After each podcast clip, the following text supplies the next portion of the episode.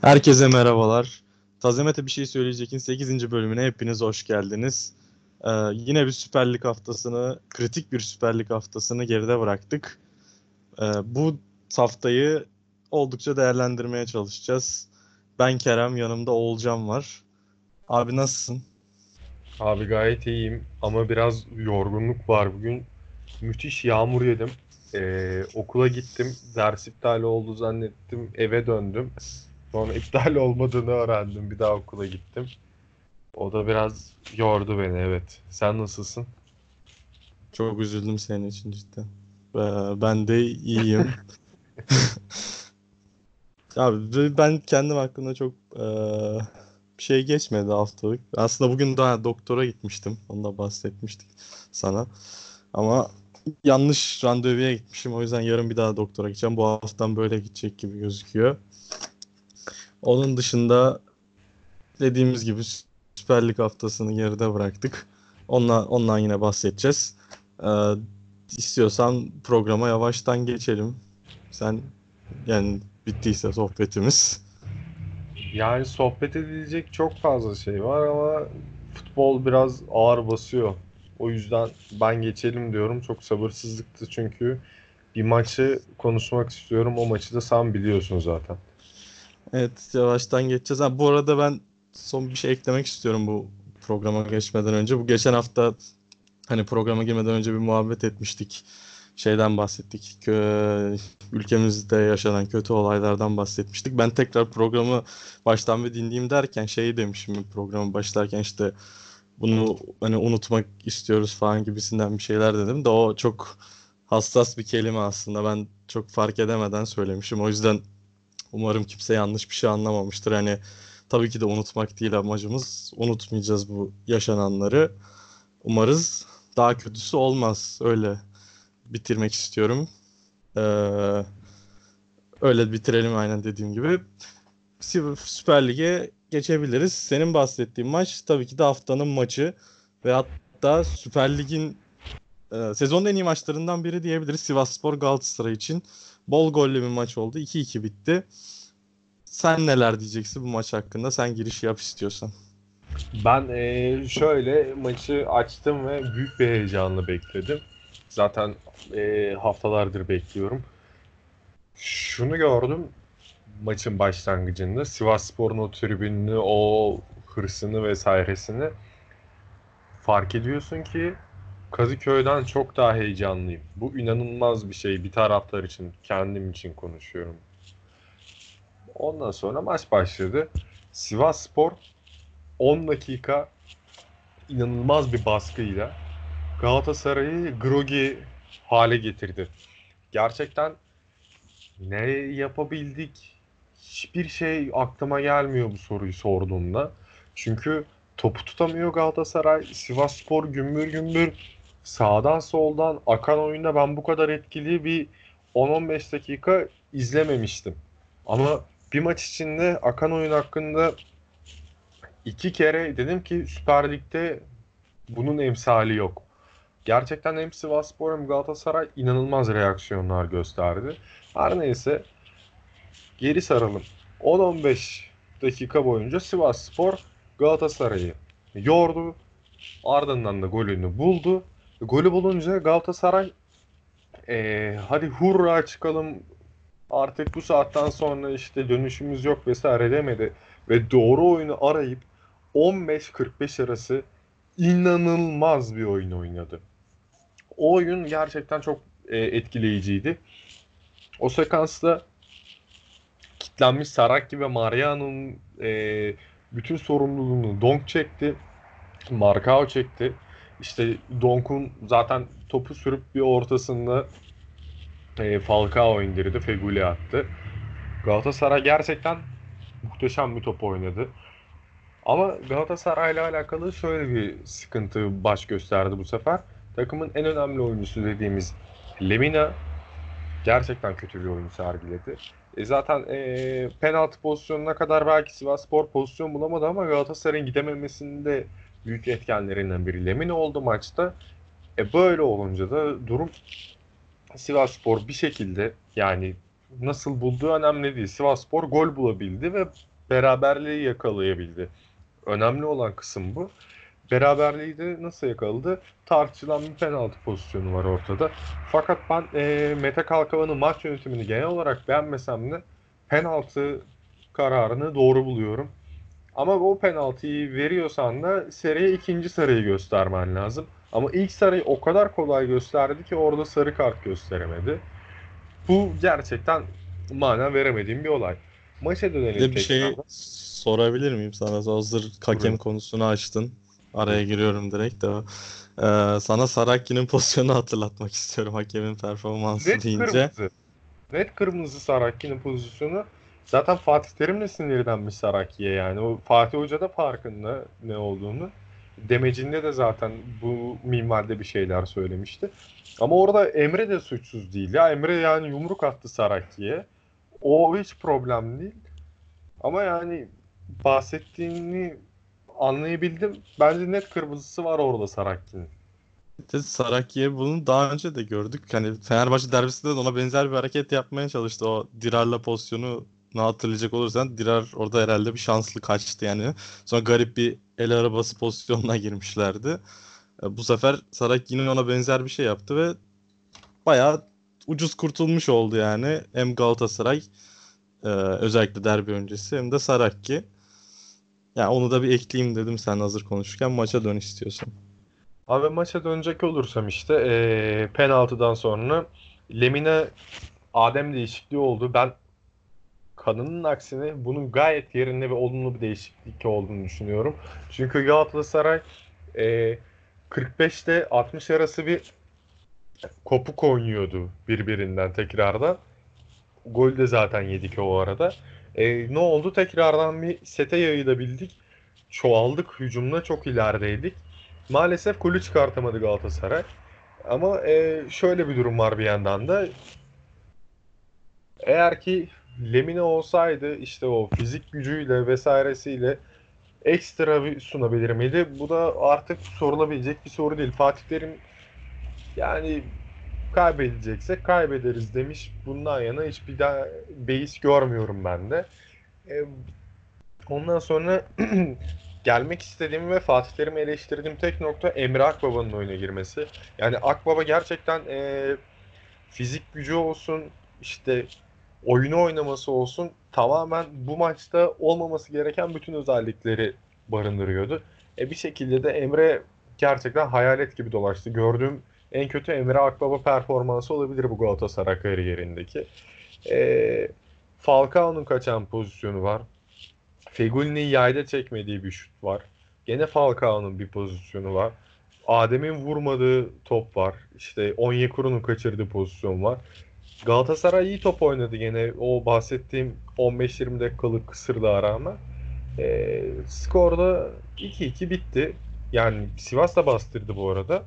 Ve Sivas Fernando biraz daha etkili olsaydı maçı 3-2'ye de getirebilirdi. Ben iki takımı da çok çok beğendim. Hani orta sahaların kötülüğünden değil de daha çok oyun kalitesi, oyuncu kalitesiyle maçı bir şekilde bize çok izlenilir kıldılar. Yani iki takımı da tebrik etmek istiyorum. Hem Reza Çalınma hem Fatih maça çok iyi hazırlanmış. Ee, Sivas Spor'u ben şampiyonluk yarışında görmüyorum açıkçası ama yani Sivas Spor az uz bir yerde değil. E, Galatasaray'da Kadıköy'den ve işte Sivas'tan sıfır çekeceğini düşünen taraftarlarına 4 puanla çıktığını ilan etti. O yüzden Galatasaray adına da Sivas adına da olumlu bir maç olduğunu düşünüyorum. Hem performans olarak hem uzun vadede puanlama ve sıralama olarak. Ben birkaç şey ekleyecek olursam hani sen zaten e, ayrıntılı olarak bütün maçı analiz ettin diyebiliriz. Hani ben iki takım olarak da hani e, maç seyri olarak sezonun en iyi maçlarından biri olduğunu düşünüyorum kesinlikle. E, bu keyfi bir iki maç verebildi sadece Süper Lig'de sene başından beri. Çünkü yani vites hiç ol, hiç düşmedi maçın başından beri. Özellikle o Sivasspor'un ilk 10 dakikası korkunçtu cidden yani. Muslera bile artık kurtaramadı. O gol geliyorum demişti yani öyle bir başlangıç yaptı Rıza Çalınbay'la Sivas maça. Ama Galatasaray cidden çok iyi toparladı ondan sonrasında. Ee, yani Fabio ile Falcao'nun da ne kadar iyi anlaştığını görmüş olduk. Falcao özellikle pas oyununda e, müthiş bir katkı yaptı Galatasaray'a bu maçla beraber. Bence hani bu böyle oynayan bir Sivas'a karşı Galatasaray dışında Süper Lig'de kimse puan alamaz diye düşünüyorum. Yani bu ilk 10 dakika futbolunu düşünsek olsa hatta maçın genelinde de öyle oldu. Hatta 2-2'den sonra hani Emre Kılıç oyuna girdi. 2-2 oldu. Ondan sonra da bir iki pozisyon e, yakaladı Sivasspor. Emre Kılınç'la olsun başka pozisyonlar da yakaladı. Daha çok Galatasaray'ın net pozisyonları vardı diyebiliriz ama Sivasspor oyundan düşmedi. Kazan galibiyet golünü de atabilirdi kesinlikle. Ama Galatasaray cidden çok zorlu bir deplasmandan belki 3 puan alabilirdi ama bir puandan da bence çok rahatlıkla memnun olduğunu düşünüyorum. Ee, maç hakkında diyeceklerim bu kadar. Son olarak sana e, bir Atahan Altınordu'nun bir tweetini okumak istiyorum maçla alakalı. E, onu da bir eklemek istedim. Demiş ki bu arada bence maçın yıldızı 28 futbolcudan da önce Yalçın Çetin. Bu kadar yüksek tempoda maçı anlatmak kolay olmasa gerek. Şahane gitti arkadan modu yükseltti. Yani bu tweetle beraber Yalçın Çetin'e de ayrı bir parantez açmak istiyorum. Ben açıkçası açık ara en sevdiğim spiker Türkiye'de. Ee, bu programda daha önce işte Lahoz övdük. E, Hikmet Karaman övdük. Bence biraz da onu övelim demek istedim bu tweetle beraber. Ben e, açıkçası Yasin Çetin'i seviyorum. Bununla alakalı hiçbir problemim yok ama ben de isterim ki biraz Atan Altın Ordu överim. Yani e, bir fan club'lık müessese falan oluşturulabilirse oluşturmak isterim kendisiyle alakalı. Gördüğüm en doğru Galatasaray taraftar profili olabilir kendisi. Yenilsen de Yense'den Yensen de Yenilsen de de herhalde programın adı Bahçe Ertem ve Banu Yelkova'nın. O dönemden ben kendisini hatırlıyorum. E, bir de her hafta podcastlerini dinliyorum Sokrates podcast'te. Fakat bu hafta çıkmamış programa. İnan Özdemir, Emre Özcan vardı ve anımsayamadım bir kişi daha. Evet ben de dinledim bugün. Ben de unuttum adını vallahi ya. Ayıp ben... oldu şimdi. ya maalesef özür dilerim. Ama Yasin Çetin'den Atan Altın Ordu'ya bu kadar hızlı getirdim konuyu. Atan Altın Ordu'cuyuz. Evet, e, övmelere devam. Yalçın Çetin'den bir kelime bile bahsetmedin. O yüzden teşekkür ederim sana. Ben destekliyorum ama. Yalçın Çetin gerçekten iyi spiker. Bunu da duymak ben benim ağzımdan herhalde çok mutlu etmiştir kendisini diye düşünüyorum. Evet, hem Atahan Altınordu hem de Yalçın Çetin'i onurlandırdın. Biz olun, onurlandırdık. Abi e, bundan sonra Galatasaray'ın haftaya önemli bir maçı var. Maça da değinebiliriz istersen ya. Direkt istiyorsan yani. rakibini de hatırlayalım. Bu haftaki e, maçını. Beşiktaş Ankara Gücü maçı vardı. Ben istiyorsan ondan ilk bahsedelim. Nasıl istiyorsan fark etmez ama. Ya istiyorsan dediğin gibi yapalım direkt olarak o zaman. Beşiktaş maçını konuş. Sen çünkü ben e, Beşiktaş maçı izlememe serimi sürdürüyorum. O yüzden senden bir Ankara gücü maçı yorumu alalım. Oradan da zıplayalım derim ben derbiye. Derbi çünkü konusu uzak bir derbi yani uzun süre sonra. Tabii tabii. Yine e, Galatasaray Beşiktaş derbileri her zaman kritik derbiler olmuştur ama bu daha önce daha çok 32-33. haftalarda olduğu için konuşuluyordu. Bu sefer biraz daha erken oldu ama yine o kadar kritik bir maç ki ondan oldukça bahsedeceğiz. Ondan önce Beşiktaş'ın derbiye ne kadar moralli girdiğinden bahsedebiliriz. Yani Ankara gücü karşısında aldığı galibiyet. Tabii izleyememişsin. Normal çünkü Beşiktaş yaklaşık son 3 haftadır falan maçlarını Cuma günü oynuyor. Bu niye böyle arka arkaya geldi bilmiyorum ama e, izleme şansım oldu.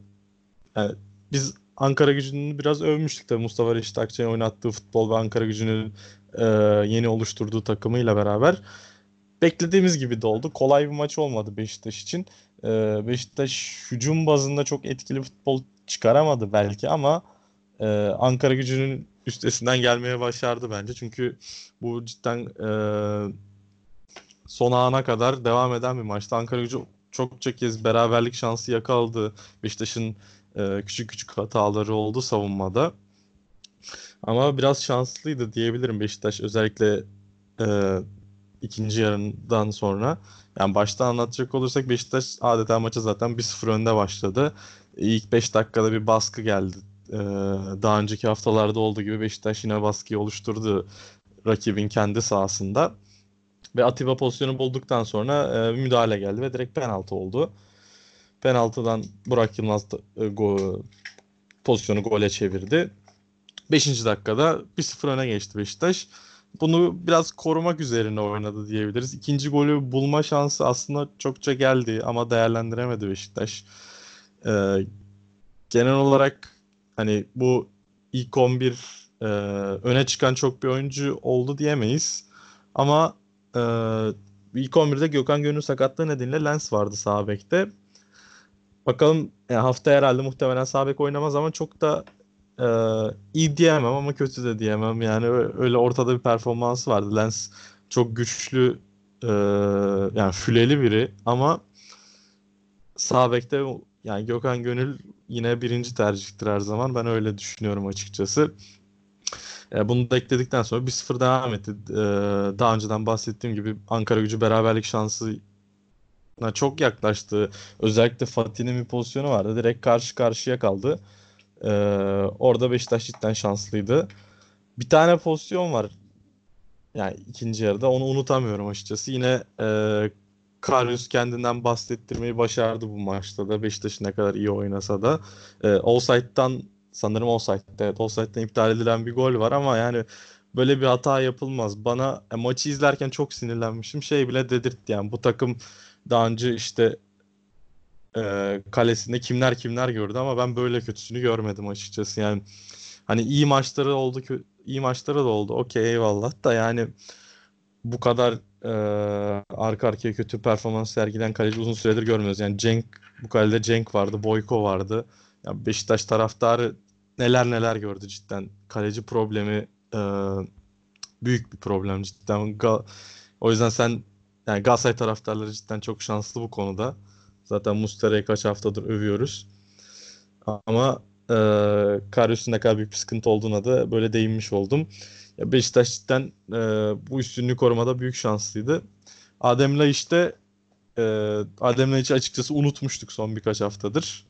Nerede olduğunu ciddi haberimiz yoktu. Sakatlık dedik, hastalık dedik, koronavirüs bile dendi artık. Ondan sonra işte çıktı ve e, acayip bir gol attı açıkçası. Ben hiç beklemiyordum Adem için sol ayağını kullandığını hatırlamıyorum çünkü. Ee, yani müthiş bir gol attı ve Beşiktaş taraftarlarını rahatlattı diyebilirim.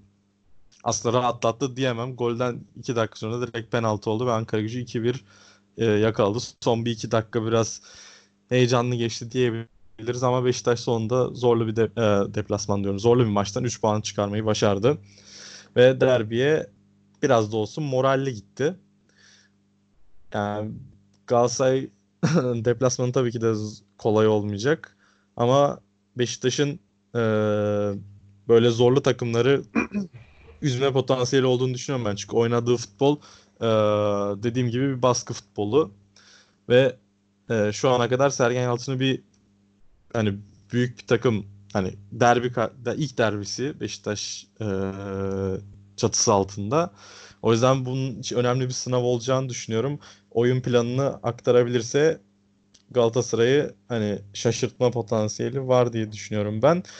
Böyle de cümleyi de bitirerek e, istiyorsan bir derbi muhabbetimize geçebiliriz derbi öncesi. Olur abi. Ben özellikle Galatasaray taraftarlarında şunu görüyorum şu aralar. İşte Beşiktaş'ı şöyle yeneriz. İşte Karius'a bilmiyorum yani belli başlı tepkiler göstertirirsiniz manasında tweetler vesaireler düşüyor önüme göstertiriz dedim bu arada heyecandan telaşlandım bir anda. Anladı herkes. İşte yani hocam lütfen derbi bir de Beşiktaş maçı Beşiktaş'dan da ziyade yani gerçekten ben Beşiktaş'tan değil Sergen Yalçın'dan korkuyorum. Her Galatasaray maçı bir olay Sergen Yalçın'ın. Hep sıkıntılı maçlar çıkartıyorlar. E, bu sefer Beşiktaş'la birlikte gelecek. O yüzden gerçekten çok e, Galatasaray için zor bir maç olacağını düşünüyorum. Bakalım neler olacak, neler bitecek.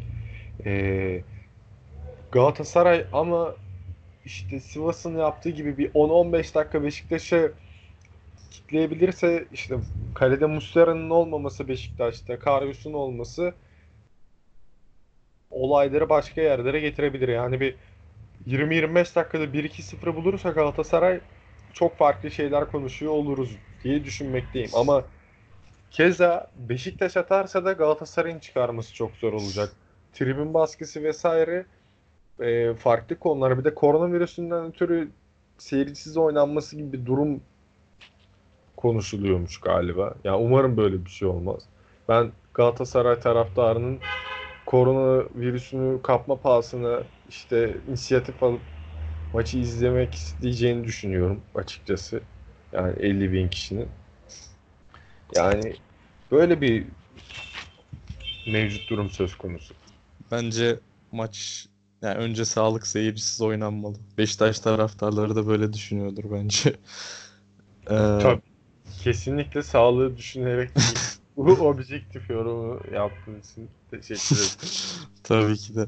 Ya bu maçta bir de eşleşmeler de önemli olduğunu düşünüyorum açıkçası. Ee, Onyekuru Beşiktaş savunmasını cidden zorlayabilecek bir oyuncu. Çünkü Beşiktaş savunması biraz yavaş kalmasıyla meşhur. Ee, yani sağ bekte kimin oynayacağı önemli tabii. Muhtemelen sor- Gökhan Gönül yetişir.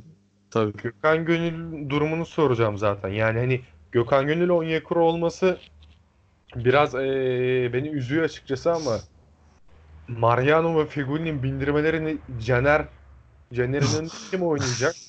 O, o daha da kötü işte. Diğeri Caner Enk Enkudu mu oynuyor? Caner Enkudu oynuyor solda. Yani sağ tarafta bir tane bindiren oyuncusu mesela Sekidika var. İşte 60'a mesela 0-0-1-1 girdik. Yani Sekidika bana göre iyi bir topçu değil ama eğer ki zaten Caner ve Enkudu ikilisi çok da dinamik bir ekip değiller. Sekidika orada fark yaratabilir. Onyekuru sağa atılabilir. Yani hani Gökhan Gönül'ün o kadar fire vereceğini düşünmüyorum ama Beşiktaş'ın sağ kanadında Galatasaray çok farklı şeyler deneyebilir. Ya aslında hani ben ilk aklıma Onyekuru geldiği için öyle dedim. Yoksa Beşiktaş'ın sol bloğu cidden çok daha kötü sağ tarafa kıyasla.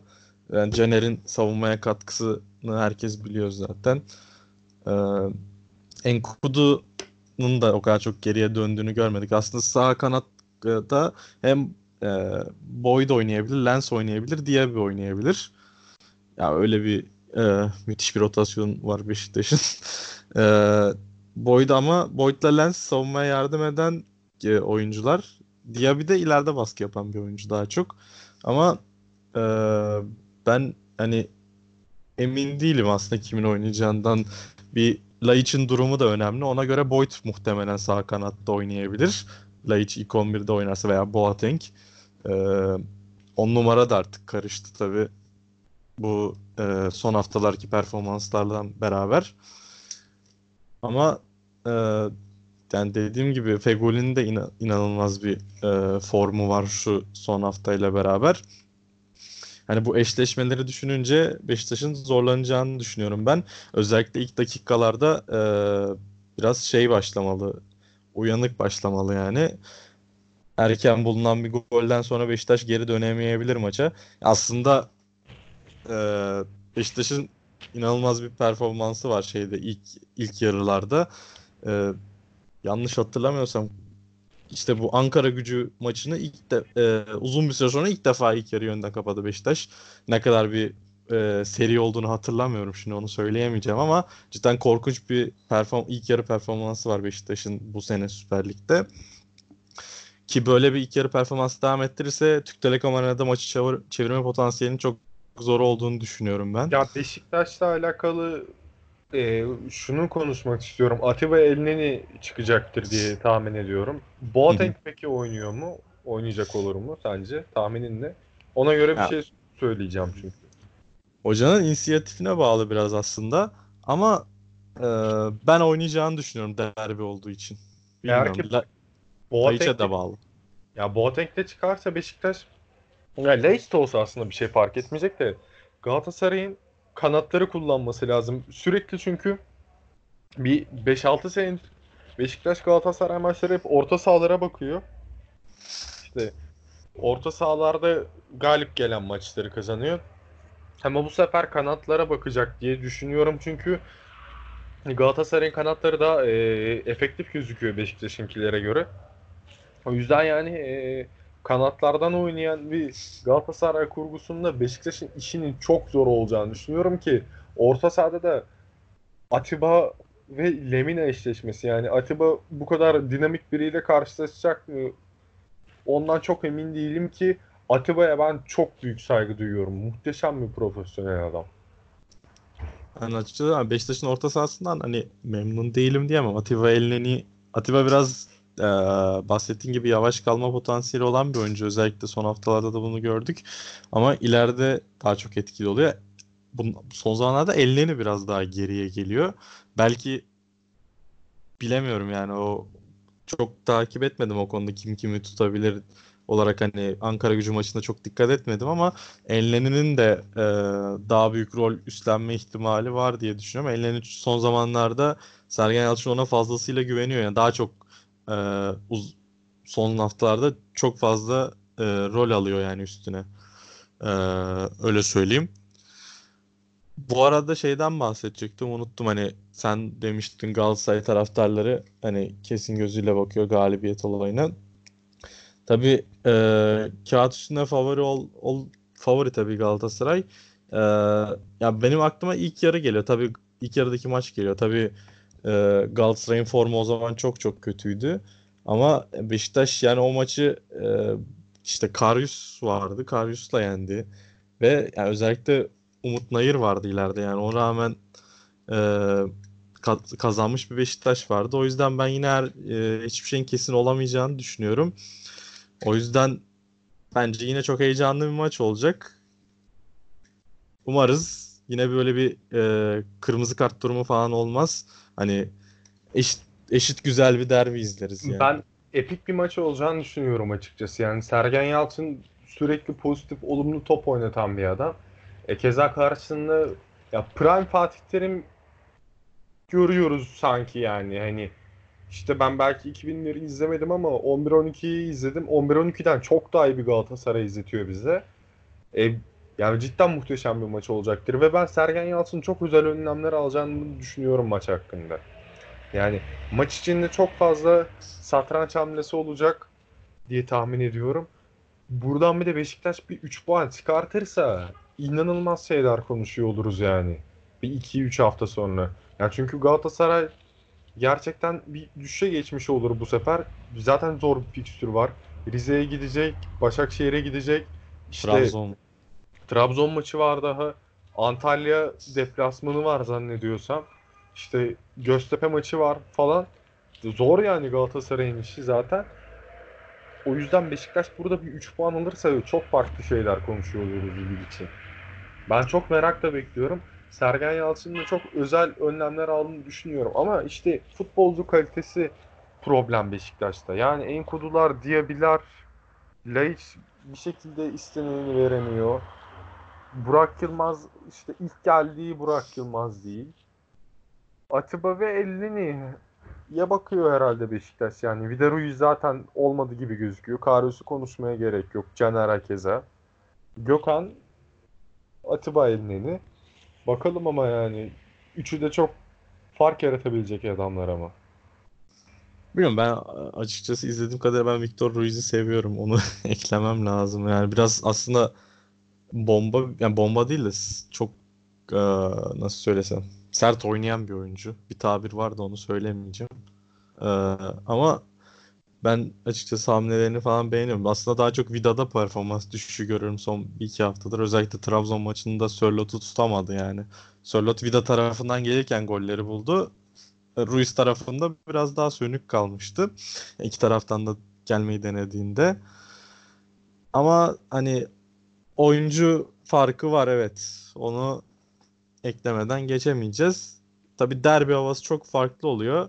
Ki ben açıkçası hani Beşiktaş taraftarı olduğumu da ekleyeyim. Beşiktaş taraftarı olarak Sergen Yalçın'a ben sonuna kadar güveniyorum. Bakalım hani farkını ortaya koyabilecek mi? Bu özellikle böyle kritik bir derbide. Hani onu da en önemli kariyerinin en önemli maçı olacak bugüne kadar net bir Ya- şekilde. Bir de Beşiktaş'ta şey var yani hani Sergen Hoca çok kredi topluyor. Mesela getirirsin bir hocayı işte ikinci yarının son 3 ayı 4 ayı kala adam yani oturmamış sistemde beceremez ve öteki sezon direkt kovulur 2-3 maçta. Sergen Yalçın iyi de top oynatıyor yani hani. O yüzden Galatasaray maçı çok zorlu geçecek. Hem Galatasaray hem Beşiktaş açısından da. Yani ben merakla bekliyorum Sergen Yalçın'ın reaksiyonlarını. Ve çok bu arada hep şundan şikayet ederdik teknik direktörler konusunda ligde işte bir e, devinim yok. Bir döngü var ve o döngüde işte sürekli aynı hocalar değişiyor diye. İşte şimdi çok umut veren hocalarımız var. Erol Bulut, Sergen Yalçın, İlhan Palut, Hikmet Karaman, işte Ero e, ismi gelmedi aklıma. Neyse yani anla vermek istediğim mesaj ortada. Evet aslında hani hoca değişikliklerinde azalmasını umuyoruz bundan sonra. Bu cidden hani sene başında korkunç bir şeydi ama ikinci yarıyla beraber evet bir değişim e, var eklediğin gibi. Yani bakalım Beşiktaş cidden Sergen Yalçın e, bu kadar kısa sürede bu kadar oyununu değiştirebilecek bir kişi ben çok düşünmüyorum açıkçası olacağını. O düşünmüyordum yani. Onun dışında birini. Ama kendi farklı bir şekilde e, Beşiktaş tamamen futbolunu değiştirdi ve buna çok rahat bir şekilde adapte olabildi. Özellikle sene ortasında olmasına rağmen. E, yani sene sonuna nasıl bitirirse bitirsin bir sonraki seneye umutlu başlayacaktır Beşiktaş. Ki e, bu maçta bir dönüm noktası olma potansiyeli var. Yani yok yok diyemeyiz ama e, büyük bir şans açıkçası Beşiktaş için de. Galatasaray için de zaten ne kadar önemli olduğundan bahsettik. Onun e, fikstürünün zorluluğundan. İki takım için de çok kritik bir maç. Net bir şekilde sezonun en önemli maçlarından biri olacak. Abi o zaman bilmiyorum ekleyeceğim bir şey var mı bu derbi muhabbetimize. Ben hani geç bir şey eklemek istemiyorsan e, zirveyi önemseyen iki tane maç oldu. E, Cuma cumartesi günü ya- yanlış hatırlamıyorsam 5'te. Bu Göztepe, Başakşehir ve Gaziantep, Trabzon. Zaten aramızda konuşmuştuk. Gaziantep Trabzon maçını ben izledim. Göztepe Başakşehir maçını sen izledin. Diliyorsan sen Göztepe Başakşehir maçından başla. Sonra ben diğer maçtan ekleme yaparım. Ee, Başakşehir bu haftanın kazananı oldu zaten. Sen bu maçta neler gördün? Ben şunu gördüm. Başakşehir ben öyle bir takımım ki bu ligi ben bu sene alabilirim dedi. Yani o Galatasaray'ın Sivasspor oyununu gör ve Galatasaray taraftarı olarak böyle konuşuyorum. Topu verdiler Göztepe'ye ama aldıkları her topta iki tek top kalede Başakşehir. Zaten Dembaba'nın golü muhteşemdi. Dembaba da yani 85'li oyuncu ve gösterdiği performans inanılmaz yani. Ya herhalde 2015 hani Slaven Bilic sezondan beri en iyi sezonunu yaşıyor. Çok net Bence bir o şekilde. sezondan da iyi olabilir. Ya çok acayip. Çok fark yaratıyor yani. Hani inanılmaz bir şey. Visca Dembaba ve İrfan Can. İnanılmaz top oynuyorlar abi. Ben kendimi kaybettim İrfan Can Kahveci izlerken. Adam muhteşem topçu. Yani gerçekten bayılıyorum. Ben e, Galatasaray geleceğini hiç düşünmüyorum ama İrfan Can yani hayalimdeki Galatasaray orta sahası. Dediğim gibi yani maça dair söyleyeceğim şey ben heyecanlıydım yani İzmir'de olacak bir maç. Çok daha keyifli olur diye düşünüyordum ama Başakşehir açısından çok daha keyifli oldu. Tık tık tık tık tık. Başakşehir kalede ve golü buldular. Maçı bitirdiler. Ya tamam goller eee, ikinci ve üçüncüleri biraz geç gelmiş olabilir ama oyun olarak Başakşehir ben Göztepe'nin klasman olarak çok üzerindeyim. Göztepe'ye fırsat vermeyeceğim dedi. Maçı çok rahat bir şekilde aldı. Yani büyük takım gibi oynadı. Bir de Kopenhag maçları vesaire var. Yani bilemiyorum. Kopenhag'da geçerse Başakşehir farklı şeyler konuşulur. Kopenhag geçmesi var bir de bu e, şu an hani çok önemli bir galibiyet aldılar. Süper Lig'de bu hafta 9 maçın 6'sı berabere bitmiş. Yani bütün şampiyonluk adayları puan kaybı yaşadı. Bir tek Başakşehir kazandı. Çok kritik bir 3 puan aldı. Bu Avrupa Ligi ile beraber ikili olarak bu trafiği sürdürebilirse şampiyonluk şansı çok yüksek gözüküyor. Zor bir iş olacak aslında. Başakşehir buna alışık bir takım değil yani. Daha önce hiçbir zaman buraya kadar gelemediler Af Abdullah Avcı ile. Süper Lig'den bahsetmiyorum. Avrupa'dan bahsediyorum.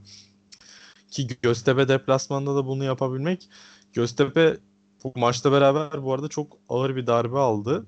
Yani e, kaç 3 haftadır falan kazanamıyorlar zaten. Yani şimdi emin değilim ama e, bayağıdır puan kayıp kayıplarındalar. Bir orta sıralardan biraz daha düşmeye başladılar. İlk 6-7 bazlarında bir takımdı. Şu an e, kaçıncı olduğunu hatırlamıyorum. 7.ydi sanırım ama bir puan farkı var yani üst sıralarla yani, artık.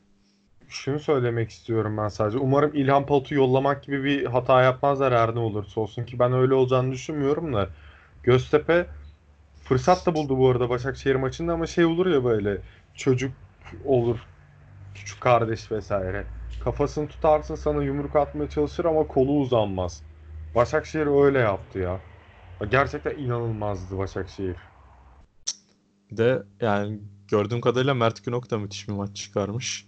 Evet yani çok... evet yani Göztepe geldi ama işte hissedersin ya bir takım maçı kazanabileceğinden. Göztepe geldi sadece. Yani gol daya attırmadılar böyle bir maçta. Özellikle son 5-10 dakikada 10 kişi geçirdi Başakşehir. Bu hani diğer takımlarda bir gözdağı olmuştur bence bu maç.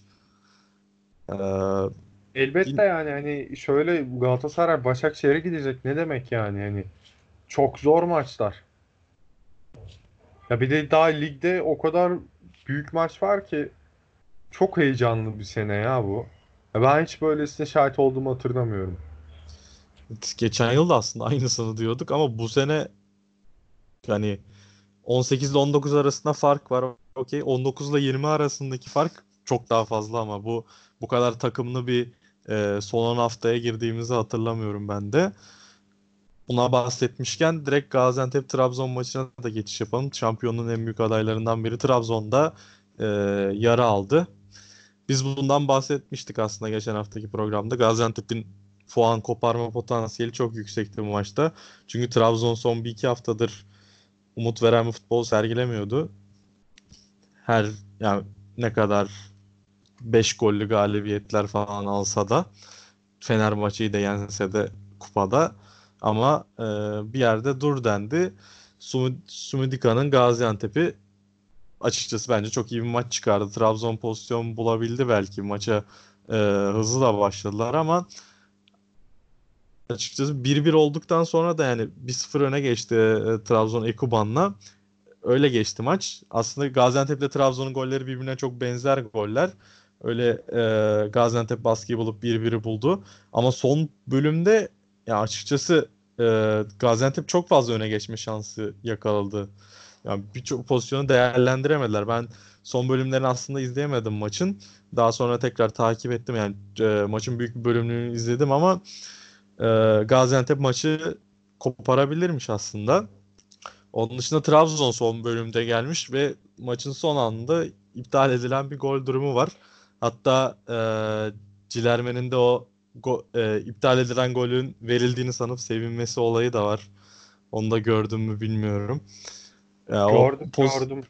Maçla alakalı çok komik şeyler var ya. Ben seninle işte paylaştığımız için Başakşehir maçını izliyordum.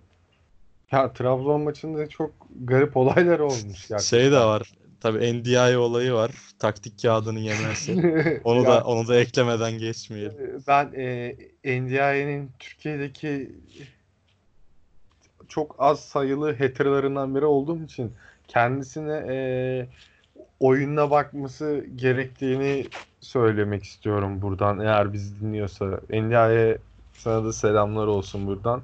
Geçen sene de Beşiktaş maçında kadro dışı kalmıştı. Yani öyle de kötü topçudur Endia'ya. Buradan selamlar tekrar. NDI'nin de ayağını kaydırmaya çalıştın. Umarım bizi dinlemiyordur.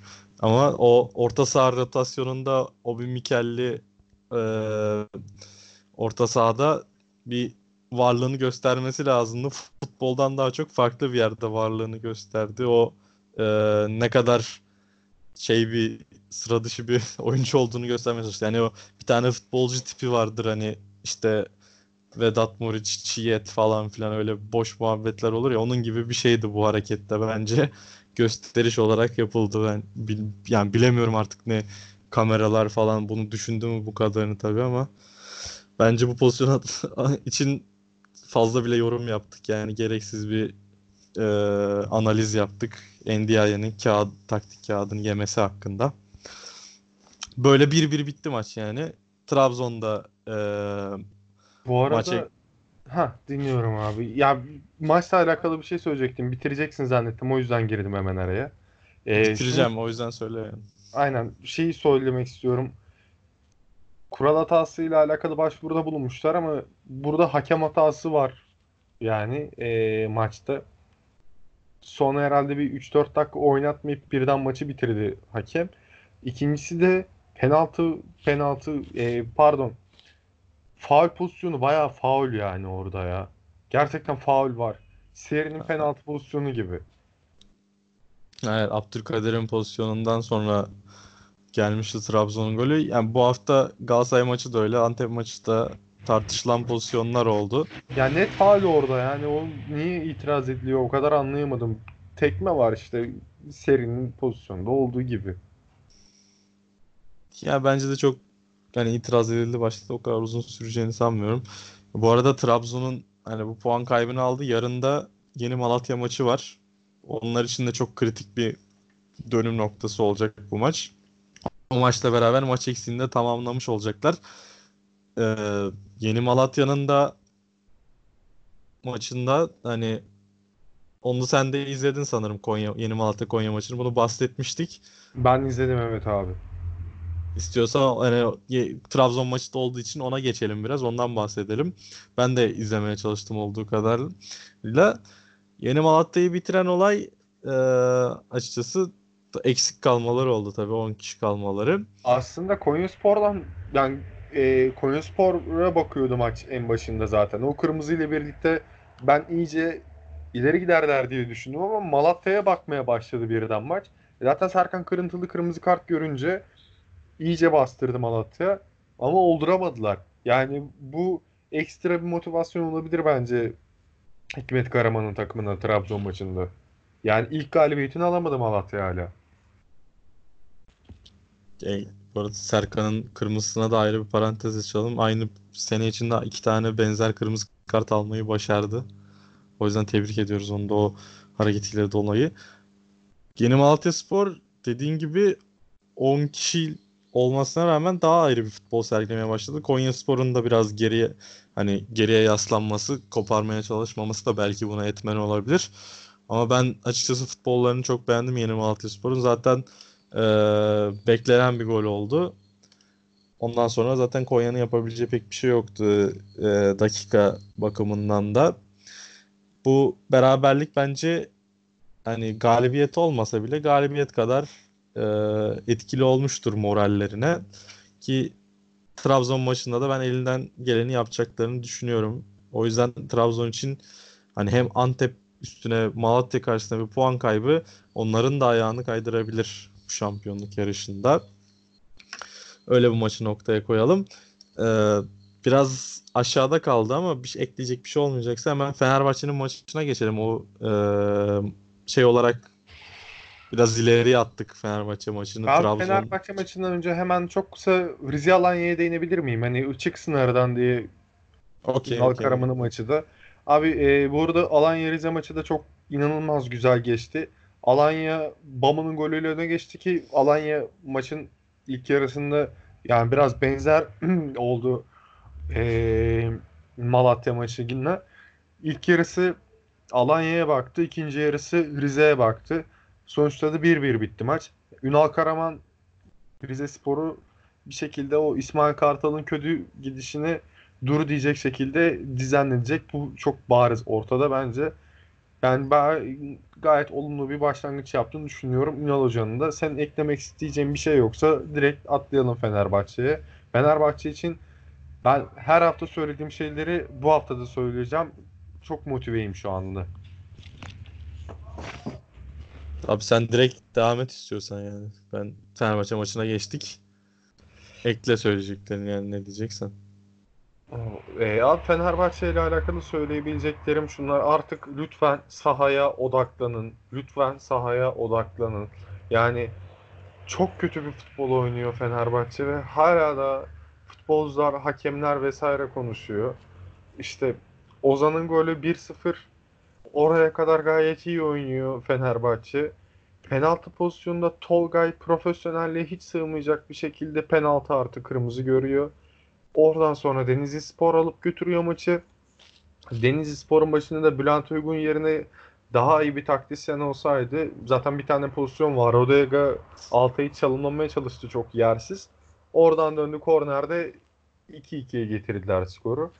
Yani maçla alakalı konuşulacak bir şey yok ama daha 25. haftada lig bitmiş gibi davranan Fenerbahçe bana çok garip geliyor. Yani Emre Belezoğlu maçı yönetir pozisyondaydı. Evet bir teknik sorumlu vardı ama yani bunları ne kadar gerek var? Yani 25. haftadayız. Bir hoca getirilmeli en azından idareten de olsa. Yakışmıyor. Bir de sahaya gerçekten niye odaklanmıyor bu camia inatla anlamak mümkün değil. Sen neler söylemek istiyorsun maça ve Fenerbahçe'ye dair? Maç hakkında diyebileceğim çok bir şey yok. Yani ben bu sene bu kadar erken hani havlu atmış gibi oynanmasına dediğin gibi karşıyım. Bir de ayrı olarak Fenerbahçe'nin koruması gereken bir e, reputasyonu var yani.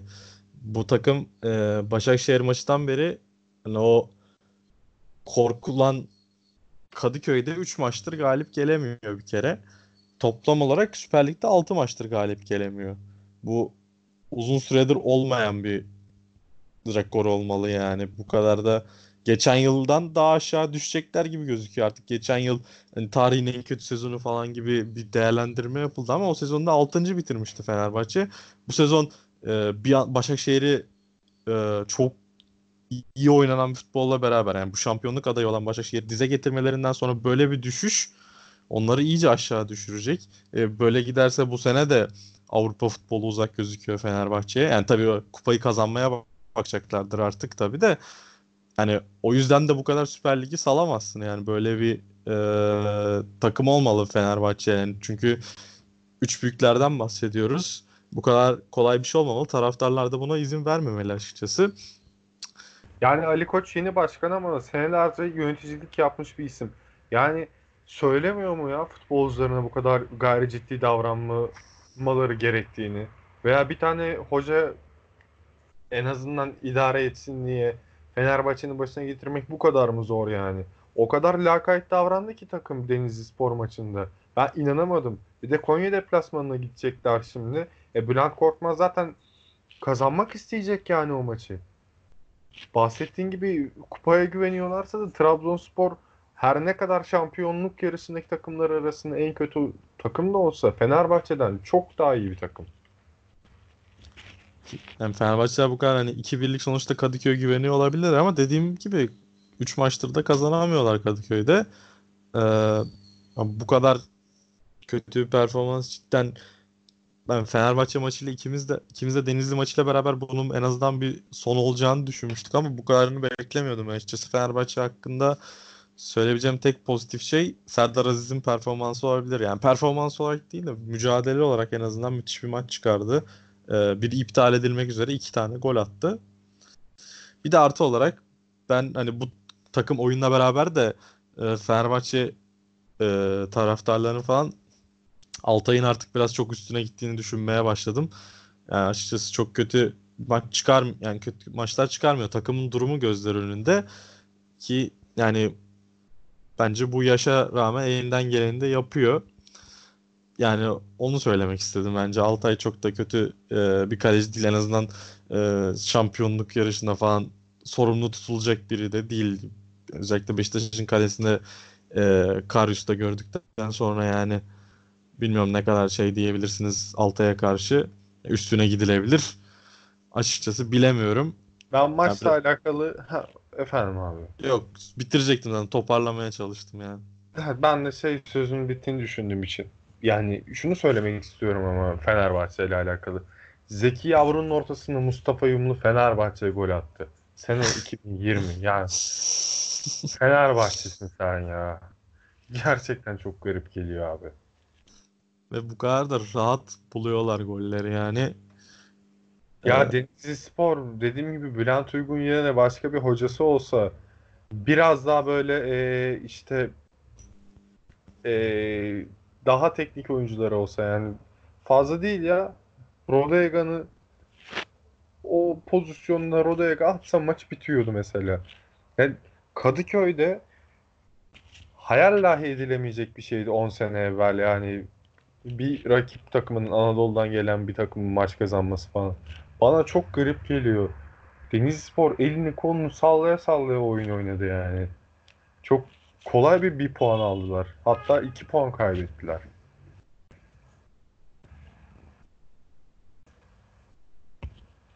Abi orada mısın? mikrofonu kapamışım da yanlışlıkla kusura bakma. Ha, Dediğin. Şey diyordum. Dediğin gibi Rodega'nın lakaytlığı olmasa 3 puan da rahatlıkla alabilirlerdi yani. Öyle bir maç izledik. Bakalım haftaya Fenerbahçe ne kadar toparlayabilecek kendini. Ee, bahsettiğimiz bahsetmediğimiz iki tane maç kaldı. Birinin önemli olduğunu düşünüyorum. Çünkü herkesi şaşırtan bir maç oldu. Kasımpaşa Kayseri maçı. Kayseri 3 puanla gelmişti. Ama hani iki maç üst tabii ben kazanma potansiyeli olmadığını düşünüyordum. Ama Kayseri'nin oynadığı futbolla beraber ve Kasımpaşa'nın oynadığı futbolla beraber son hafta e, kimse bu sonucu beklemiyordur herhalde. Sen ne diyorsun? Ben de çok şaşırdım. Ya Kayseri ben düştüm dedi ya bu maçta. Ya çünkü Paşa'dan 5 yemezsin. Ya bence ben de diyordum hani Kayseri düştü düştü ama sonra bir acaba dedir transferleri falan olsun. Ama şu an artık çok zor gözüküyor herhalde. Kasımpaşa için çok altın değerinde bir 3 puan oldu. Eee, bundan da bahsettiysek haftanın son son maçında da eee, Gençler Birliği Antalyaspor iki tane biraz rahatlamış takımlar puanları paylaştı. Eee, sezon sonuna artık öyle umutlu devam ediyorlar. Düşme hattından uzak olarak. iki takım da rahattı zaten. Ya maçı izleyemedim ama Ben de Herhalde. Şekilde yani e, Tottiler Messi'lerden Hilmi Kıyıcı'nın tweet'i düşmüştü önüme. Falcao'nun e, vuramadığı kafa golünden sonra maç olmamalıydı Türkiye'de diye. Dün o bence oynanmadı Gençler Birliği Antalya maçı. O yüzden bir yorum yapmayacağım. Ne kadar izlendiğinden evet, şüpheliyiz ikimiz de ama yani önem olarak da bir e, çok büyük bir şey taşımıyordu bu maç. Böylelikle bu haftayı böyle kapamış olduk. Haftaya iki maçlardan biraz kısa kısa bahsedelim istiyorsan. Zaten birkaçından bahsettik. Önemli bir maç daha var aslında. Onu unuttuk. Hemen e, ondan da bahsedelim biraz istiyorsan. Yani Galatasaray Beşiktaş dedik ama bir derbi diyemeyiz ama e, şampiyonluğun en büyük iki adaylarından Trabzon'la Başakşehir'in maçı var Pazar 16'da. Sen neler düşünüyorsun bu maç hakkında? Ben e, gerçekten çok zorlu maç olacağını düşünüyorum ama Başakşehir Trabzonspor'u büyük aksilik olmazsa yener. Başakşehir top oynuyor, iyi top oynuyor. Trabzonspor'da da Hüseyin Cimşir yani hayır ya gerçekten e, Başakşehir'in ben kazanacağını düşünüyorum.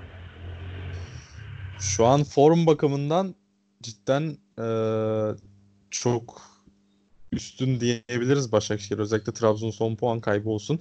E, yarınki yeni Malatya maçı da tabii önemli. Sadece şöyle bir şey var. Hani Perşembe günü, Perşembe akşamı oynayacak Başakşehir. Pazar 16'da çıkacak maça. Niye bu kadar erken olmuş açıkçası şaşırdım ben ama hani bilmiyorum Başakşehir'in futbolunu etkiler mi bu e, maç yoğunluğu. Biraz herhalde yani Fenerbahçe e, cumartesi zaten oynayamayacaklardı senin de bahsettiğin durumdan ötürü.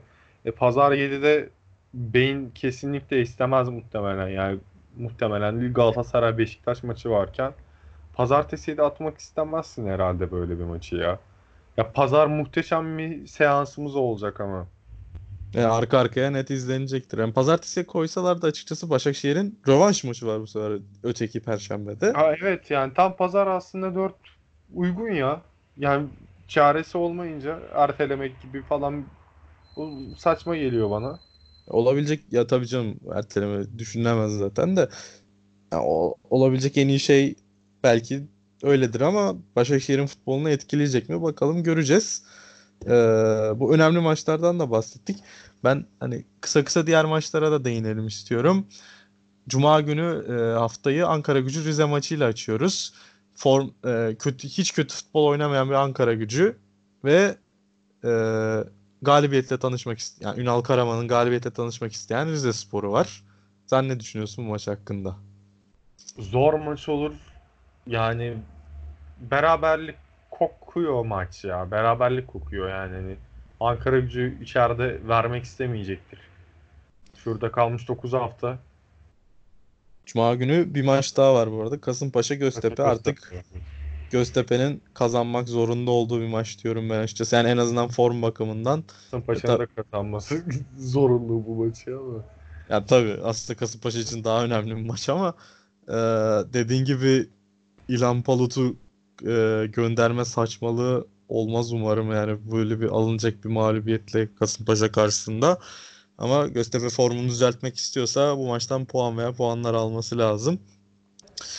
Böylelikle cumartesiye geçiyoruz. Cumartesi 2'de Denizli Spor Gençler Birliği maçı var. Açıkçası ne olduğunu çok kestiremediğim maçlardan biri. Her şey olabilir yani klasik Süper Lig maçlarından biri bu çünkü. Ya her sene oluyor ya ligde her hafta affedersiniz sene değil. izlenmeyecek bir maç zannedersem o maç bu maç bu haftada. Ya belki cuma günü geç yatan insanlar kalkıyor 1'de 2'de ilk açtıkları şey bu maç olacak. Belki o sabah sersemliğiyle izlenebilir bir maç. Ya mesela işte Kasımpaşa Göztepe koşsalar cumartesi. Cumartesi onlar 2'de oynasa Denizli Gençler Birliği cuma günü oynasa yani çok en az, olurdu bence ama. En azından yani cuma maçlarından ikisinden birini seçebilirdik rahatlıkla izlenebilecek. Evet. Cumartesi 5'te tek bir maç var. Alanya ve Gaziantep bu iki takım da beraberlikten çıkıyor. Bu müthiş bir maç olur bence. E, keyif bakımından potansiyeli olan bir maç açıkçası. Cumartesi 20 Konya Fener maçı. Yani bu maç hakkında cidden ne diyebilir? Fenerbahçe'de bir hafta içinde çok şeyler yaşanıyor çünkü artık kulüpte e, cumartesiye kadar çok şey de değişebilir. O belki bir hoca gelebilir artık. Her gün yeni bir haber duyuyoruz ama artık Konya Spor e, bu formuna beraber herhalde favori gözüküyor. Bilmiyorum. Ya ben de Konya'yı bir adım önde tutuyorum şu an. Hani Konya Spor çok e, golle oynayıp kazanan bir takım değil tabii ama 1-0 kokan bir maç aslında Konya Spor'da düşününce ama Fenerbahçe yani beklenmediklerin takımı o yüzden kesin bir şey diyemiyorsun. Pazar günü bir buçukta Kayseri Spor Yeni Malatya Spor maçı. Bu da güzel bir maç aslında yani. Hikmet Karaman için bir şans açıkçası. Malatya Trabzon maçından biraz yorgun gelir herhalde. Yani ya. bu maçta benim çok ilgimi cezbetmedi açıkçası. O sabah zaten bu maçtan sonra iki maçlardan bahsettik. Müthiş arka arka iki maç var. Haftayı da Antalya Sivas maçıyla kapayacağız. Sivas Spor'un bu galibiyet serisinin son sonlanma ihtimalinin yüksek olduğu bir maç bence. Bilmiyorum. Zor deplasman. Evet. Yani aslında bu hafta çok iyi top oynadılar. Yani galibiyet serisi dedim özür diliyorum. Zaten bu hafta berabere kaldılar ama hani bu iyi giden formunu e, bir dur denebilir. Önemli bir e, çelme olabilir Sivas Spor'a. Her ne kadar bu haftaki maçı iyi oynasalar da Antalya zorlayabilecek bir takım olduğunu düşünüyorum ben açıkçası.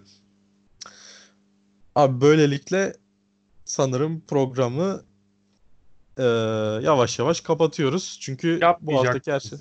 Ee, hoca gol takım. Doğru doğru. Onu unutmuşum hemen. Sen benim ee, sürekli ayağımı kaydırmaya çalışırdın. Yıllarca Ha. bu anın hayaliyle yanıp tutuştum ve sonunda Programdan önce de moderasyonu özellikle bana verdi. özellikle ve Aynen. hiç uyandırmadım seni. Buradan devam artık. Bu kanaldayız. Ya abi o zaman sen söyle haftanın enlerini. Haftanın enleri Samu diyor inanılmaz bir gol attı. Bayıldım yani 10 kere falan izlemişimdir Rize Alanya maçında. Haftanın takımı bence Galatasaray o 35 dakikalık eee, sekans için. Haftanın hocası da Okan Buruk. Yani Başakşehir'e her şeyi doğru yaptırıyor. Okan Buruk demesen Başakşehir'den ne istiyorsun diyecektim. Bence haftanın takımı Başakşehir çünkü. Ee, yani öz- özellikle böyle bir hani tabii Galatasaray için değerli bir maç oldu oyun olarak ama böyle bir haftada en mutlu çıkan takım kesinlikle Başakşehir'di. Ee, haftanın hocası Okan Buruk benim için de. Haftanın golü bakımından Samudio dediğin gibi mükemmel bir gol attı ama ben Dembaba'nın golünün de acayip olduğunu düşünüyorum. Çünkü Dembaba olduğunu düşününce yani 35 yaşındaki bir oyuncu olarak eee, ona vermek istedim. Ben direkt Başakşehirli oldum yani bu haftaki eee enlerimle beraber. Zaten şey e, Şampiyonlar Ligi finalinin serisiz oynayacağı, oynanacağı düşünülüyor ya o yüzden seni alabiliriz Şampiyonlar Ligi finalinde Başakşehirli olduğunu düşünerek buradan da e, bir gönderme. Müthiş, Evet. müthiş bir göndermeydi. O kadar dolaylı bir espri ki yani. Biraz düşündüm ama bu Yani dolaylı. Komedi sınırlarını aşan bir espri cidden. Bundan sonra ben bir şey diyebileceğimi sanmıyorum ya. Bu e, ince espriyi dinleyenlerimize düşünürken Kalın biz espri. yavaştan kapa aynen aslında. Kalın, yavaştan- kalındı. Kapatalım programı. Onlar düşünmeye devam etsin o sırada. Onlara bir vakit verelim. Olur abi. E, herkese dinlediği için teşekkür ediyorum. İyi akşamlar diliyorum. Ben de dinleyenlere teşekkür ediyorum. Sana da teşekkür ediyorum. Ben de sana teşekkür ediyorum. Umarız güzel olmuştur Daha var mı? Neyi duyamadım? Bir teşekkürümüz daha var mı? Kalmadı sanırım. Okey. Bizi dinlemeye devam edin. Artık e, SoundCloud'dan sonra Spotify'a da ekleyeceğiz. Zaten linkleri de paylaşacağız. Umarız bizi dinlersiniz sonuna kadar. Dinleyenlere de teşekkür ediyoruz. Herkese iyi akşamlar.